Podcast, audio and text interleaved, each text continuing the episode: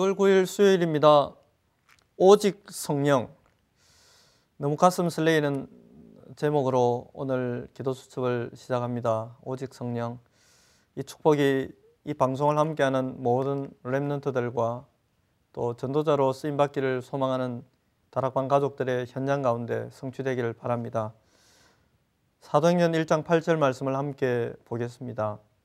오직 성령이 너희에게 임하시면 너희가 권능을 받고 예루살렘과 온 유대와 사마리아와 땅 끝까지 이르러 내 증인이 되리라 하시니라. 아멘.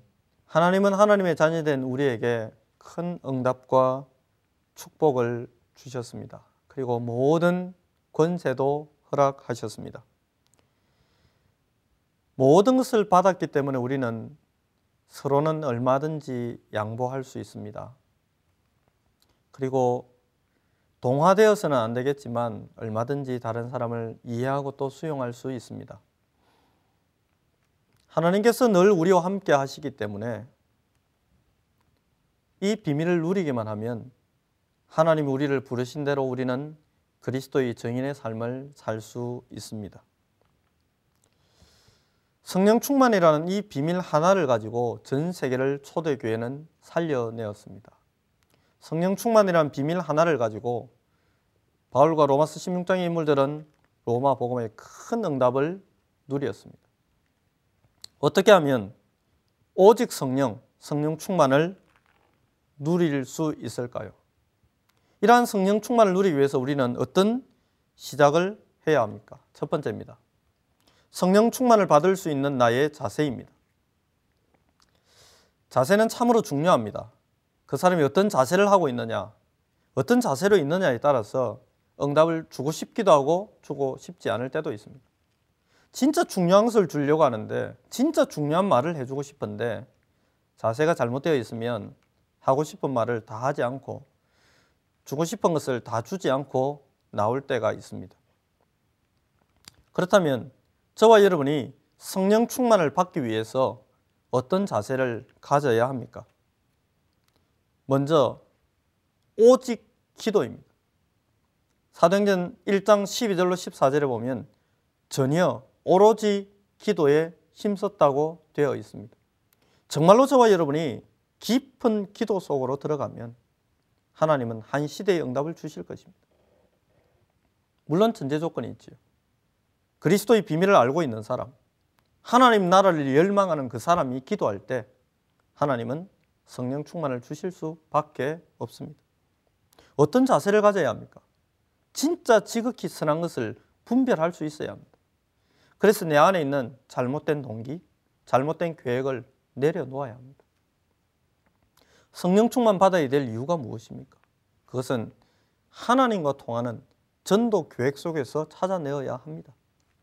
나의 동기를 위한 것이 아닙니다. 나의 목적을 위한 것도 아닙니다. 하나님의 나라를 위한 것입니다.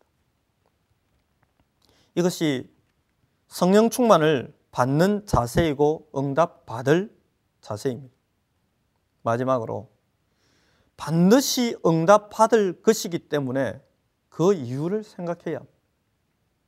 응답 받은 이유에 대해서 어떻게 대한 그릇을 준비하고 있어야 합니다. 이것이 성령 충만을 받는 올바른 자세입니다. 두 번째, 성령 충만은 전도자에게 하신 약속입니다. 하나님이 약속하지 않았다면 우리는 이것을 계속 달라고 하면 하나님 줄 수도 있고 안 줄 수도 있습니다.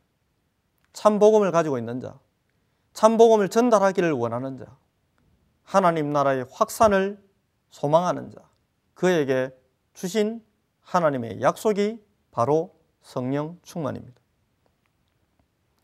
복음 전하기를 간절히 열망하는 그 사람에게 하나님은 성령의 충만함을 주시겠다고 약속하셨고 그 약속을 실행한 것을 저와 여러분은 사도행전 구석 구석에서 확인할 수가 있습니다. 그러므로 지금부터 그 하나님의 약속이 나에게 성령 충만으로 올 수밖에 없는 오늘의 말씀을 반드시 나의 것으로 붙들어야 합니다. 그 성령 충만이 올 수밖에 없는 오늘의 기도를 제대로 된 제목을 붙들고 시작해야 합니다. 이 응답을 누리기 위해서 저와 여러분은 오늘 우리에게 주어진 스케줄 속에 숨겨진 오늘의 전도를 갈망하며 기도하는 자세를 회복해야 하겠습니다. 매일매일 오늘의 말씀, 오늘의 기도, 오늘의 전도를 찾아 나서는 그 사람에게 하나님은 24시간 성령의 충만함을 허락하시게 되어 있습니다. 그러면서 이 중요한 응답을 누리는 데 있어서 꼭 기억하십시오. 하나님이 나와 함께 하시는 방법이 무엇인지를 찾는 것입니다.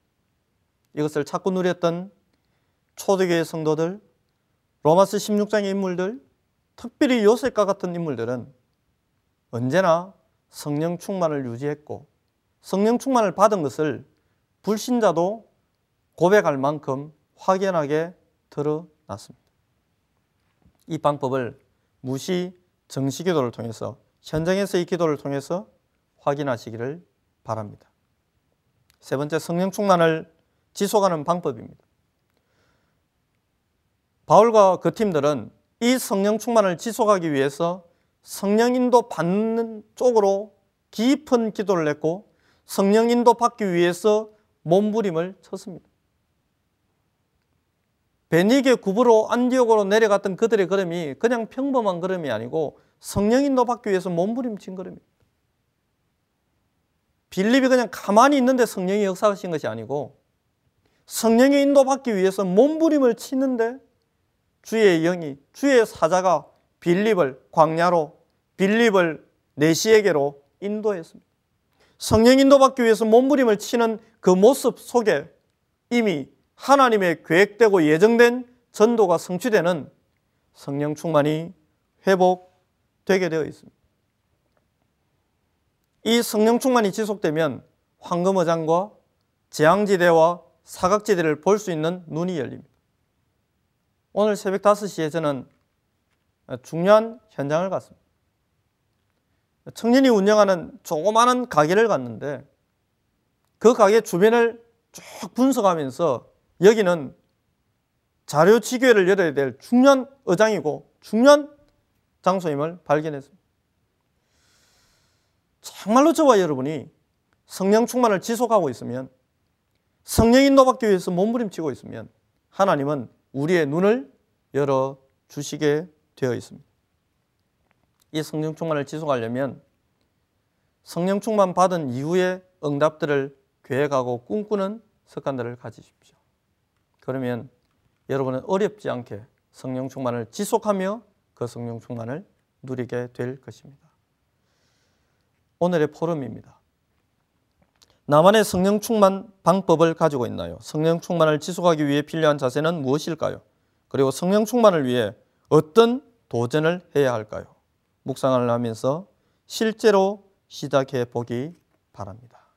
기도하겠습니다. 오늘도 우리에게 주어진 성령 충만이라는 약속을 반드시 나의 것으로 만들 수 있도록 하나님께서 사랑하는 랩런트들을 축복하여 주옵소서.